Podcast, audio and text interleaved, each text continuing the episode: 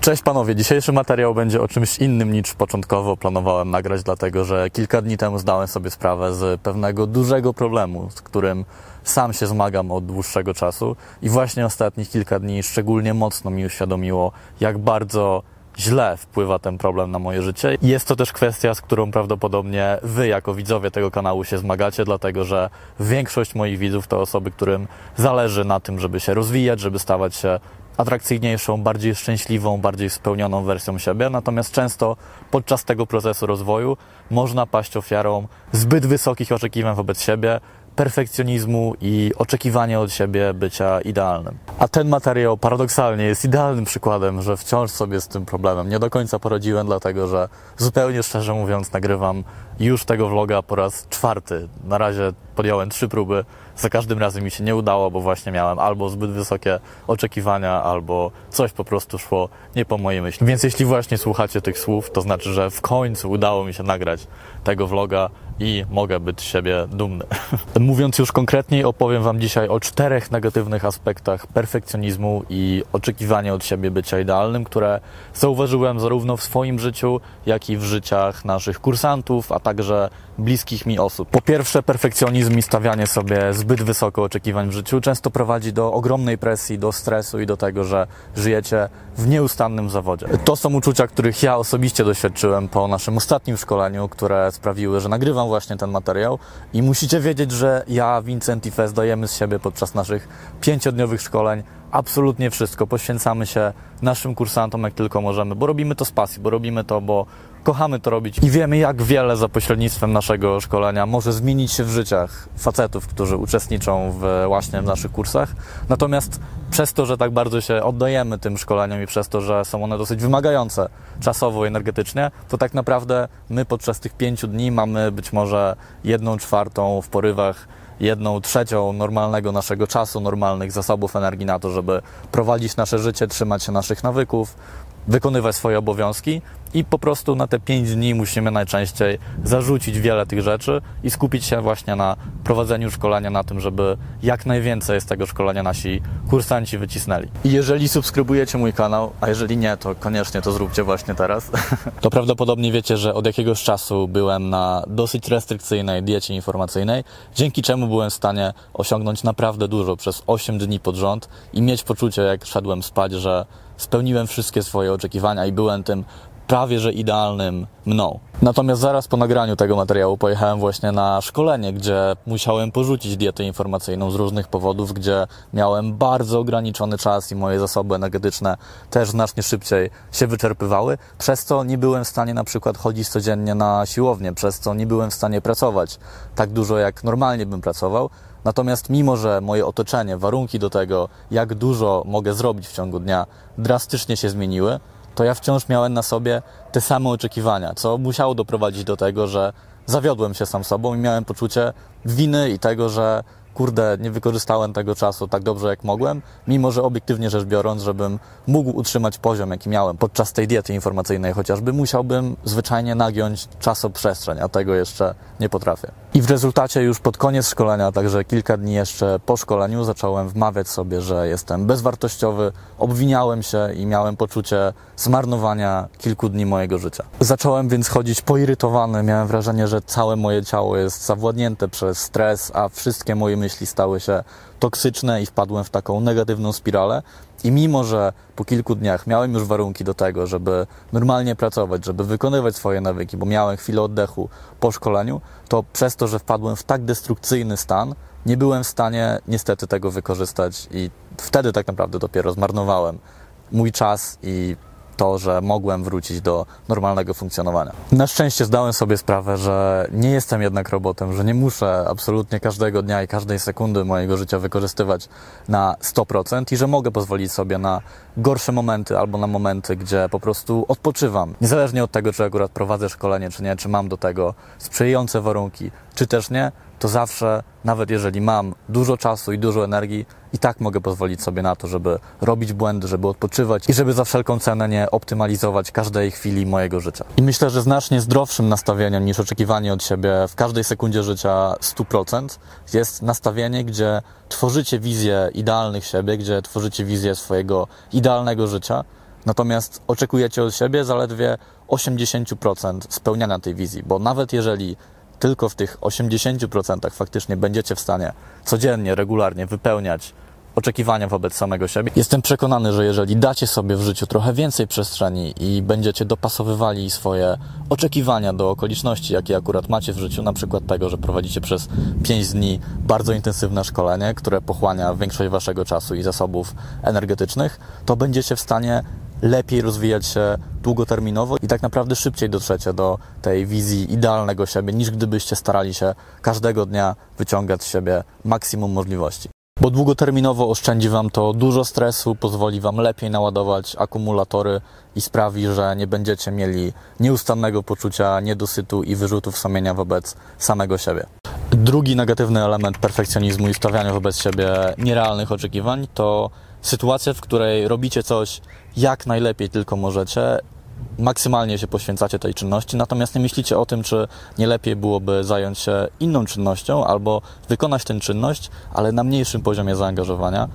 po to, żeby ta czynność była w ogóle wykonana, a nie wykonana perfekcyjnie i wtedy przejść do kolejnej rzeczy. Podam Wam dwa przykłady ze swojego życia, które mam nadzieję dobrze zobrazują to, o czym przed chwilą powiedziałem. Przykład numer jeden macie właśnie przed sobą. Ja mówię do kamery po raz czwarty z rzędu, próbuję tego vloga nagrać już od kilku dobrych dni. Zdałem sobie sprawę, że znacznie lepiej będzie, jeżeli podejdę do tego czwartego już rzędu nagrania z nastawieniem, żeby w ogóle ten materiał nagrać, żeby być w stanie go opublikować, niż mając nadzieję na to i stawiając sobie oczekiwanie, że ten vlog będzie najlepszym vlogiem na moim kanale i że muszę nagrać go idealnie, bo prawdopodobnie gdybym miał takie nastawienie, to ten materiał nigdy by nie ujrzał światła dziennego. Więc wolę, żeby on się pojawił, a następnie przejdę do nagrywania kolejnych materiałów, będę się poprawiał, mam nadzieję, z vloga na vlog, niż podchodzić do nagrywania z nastawieniem, że to będzie najlepszy vlog, jaki powstał kiedykolwiek na YouTubie, co prawdopodobnie skończyłoby się tym, że podchodziłbym jeszcze z 15 albo 20 razy i ten materiał nigdy by nie ujrzał światła dziennego. Drugi przykład to przykład z mojej firmy, gdzie czasem wpadam w pułapkę tego, że na przykład piszę jakiegoś maila do mojego klienta przez 30 albo 40 minut, starając się, żeby to był najlepszy mail na świecie, żeby postawić tam wszędzie przecinki we właściwych miejscach, żeby skonstruować zdania w najbardziej kwiecisty, najładniejszy sposób, podczas gdy znacznie lepiej byłoby, gdybym napisał tego maila w 5 minut, bo tak naprawdę odbiorca nieszczególnie nawet zauważy różnicę między tym mailem, na którym spędziłem 5 minut, a nad którym poświęciłem 40 minut i znacznie lepiej byłoby, gdybym wykorzystał ten czas na przykład na to, żeby rozpisać długoterminową strategię firmy, a nie poświęcać całe moje skupienie, całą moją energię, cały mój czas na tak błahą rzecz jak odpisanie właśnie na maila. Ten koncept ma również zastosowanie w przypadku osób, które poświęcają się w 100% swojej pracy albo starają się być najlepszym możliwym uczniem na swojej uczelni,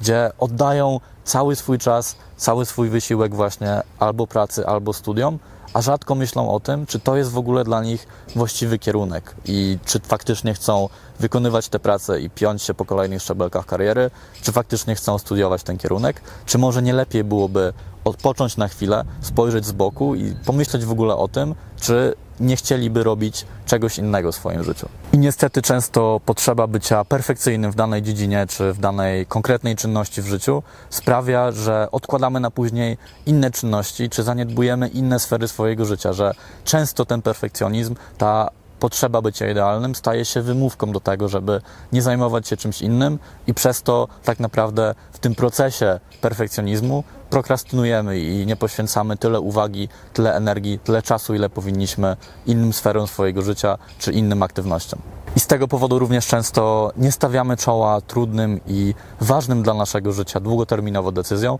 jak na przykład to, o czym powiedziałem przed chwilą, czyli decyzja o zmianie pracy czy o zmianie kierunku studiów. Trzeci negatywny aspekt perfekcjonizmu i stawiania sobie wysoko poprzeczki wobec samego siebie to mniejsza tolerancja na ryzyko, na próbowanie nowych rzeczy, a także wyższy próg wejścia, właśnie jeżeli chodzi o podejmowanie się nowych aktywności. I tutaj idealnym przykładem są nasi kursanci podczas naszych pięciodniowych szkoleń, gdzie często słyszymy od nich, że słuchaj Adrian, słuchaj Vincent, słuchaj Fest, ja bym bardzo chętnie podszedł do dziewczyny, która mi się spodobała w codziennej sytuacji, ale ja przecież muszę wykonać to podejście, muszę nawiązać tę rozmowę w perfekcyjny sposób, bo inaczej nie będę zaakceptowany, inaczej moja próba poznania nowej dziewczyny na pewno skończy się porażką. I często takie myślenie jest napędzane przez strach przed porażką. Takiej osobie łatwiej jest powiedzieć, że nie podejdzie, bo jeszcze nie jest idealna, bo jeszcze musi nad sobą pracować, albo nie wie jeszcze dokładnie, w jaki perfekcyjny sposób może przeprowadzić rozmowę z nowo napotkaną dziewczyną, niż wyjść ze swojej strefy komfortu, wykonać działanie, popełnić być może kilka błędów podczas tej początkowej rozmowy, ale nauczyć się z tego, wynieść z tego wnioski i przyzwyczaić się do tego, że nie ma w tym niczego strasznego, że jest to najbardziej normalna rzecz na świecie, żeby poznać dziewczynę, która przechodziła obok i akurat ci się spodobała. Więc zamiast wmawiać sobie, że dopóki nie będziesz idealny, nie ma sensu nawet podejmowanie próby zagadania dziewczyny, która ci się akurat spodobała w codziennej sytuacji, polecam ci, żebyś skonfrontował się ze strachem, wyszedł z domu, podjął próbę rozpoczęcia rozmowy z dziewczyną, która zwróciła Twoją uwagę i zobaczysz, że to nie jest tak straszne, jak Ci się wydaje i że nie musisz, absolutnie nie musisz być perfekcyjny, żeby osoba, z którą rozmawiasz, wykazała zainteresowanie Tobą i żeby nawiązać z nią fajną relację. Natomiast jeżeli potrzebujesz jakichś wskazówek z tym związanych, to kliknij w link, który podałem w pierwszym komentarzu pod tym filmem, a także w opisie tego materiału, bo znajdziesz tam ponad 40-minutową analizę mojego podejścia do nieznajomej dziewczyny w galerii handlowej, gdzie dokładnie krok po kroku opisuję, w jaki sposób przeprowadzić rozmowę z nowo napotkaną dziewczyną, aby była ona komfortowa dla obu stron, i żebyś skojarzył, zaczął kojarzyć właśnie tego rodzaju sytuacje dobrze, a nie oczekiwał od siebie, że każde Twoje podejście, każda nowo rozpoczęta interakcja z nową dziewczyną musi być idealna, bo inaczej nic z tego nie będzie. I ostatnia rzecz, przed którą chcę zarówno samego siebie, jak i Was przestrzec, jeżeli macie tendencje perfekcjonistyczne i oczekujecie od siebie zbyt dużo, to to, że jeżeli roztaczacie wokół siebie aurę bycia idealnym, to bardzo trudno będzie Wam nawiązać głębsze połączenie z ludźmi wokół, a osoby, które Was obserwują, nie będą w stanie się z Wami utożsamić. Sam pamiętam, że gdy zacząłem śledzić jednego z moich wirtualnych mentorów, czyli Tima Ferrisa, wydawało mi się, że jest to człowiek idealny, który nie zmaga się z żadnymi problemami, który pokonał wszystkie przeciwności losu i teraz jest 100% szczęśliwy w każdej chwili swojego życia i nie musi się już właściwie niczym do końca swojego życia martwić. I o ile już wtedy był dla mnie bardzo ważną postacią, od której strasznie dużo się nauczyłem, o tyle dopiero gdy usłyszałem chociażby w jego podcaście o tym, że również ma swoje wewnętrzne demony, że również zmaga się z wieloma rzeczami, że to nie jest człowiek maszyna, że to nie jest ktoś idealny, ale osoba, która również popełnia błędy, która również ma swoje problemy i która otwarcie o tym mówi. Dopiero wtedy poczułem z nim prawdziwą więź i zacząłem się z nim utożsamiać, a także zacząłem wierzyć w to, że to, co on osiągnął, jest możliwe do wykonania również przez zwykłego śmiertelnika, takiego jak ja. Jesteśmy tylko ludźmi, więc jeżeli mi udało osiągnąć pewne rzeczy i rozwinąć w chociażby relacjach z kobietami,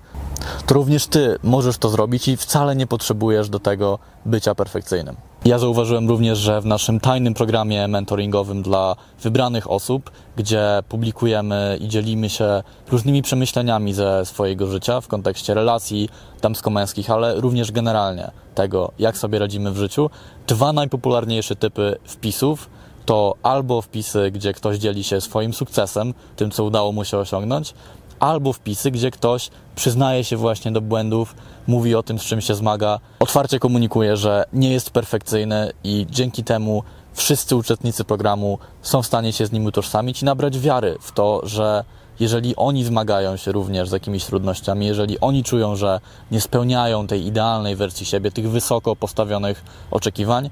to nie ma w tym nic strasznego i że tak naprawdę każdy z nas przechodzi przez ten sam proces i zrozumienie, że wszyscy przechodzimy przez to samo bagno, że zmagamy się z tymi samymi rzeczami, daje im dodatkowej wiary i motywacji do tego, żeby pokonać te trudności,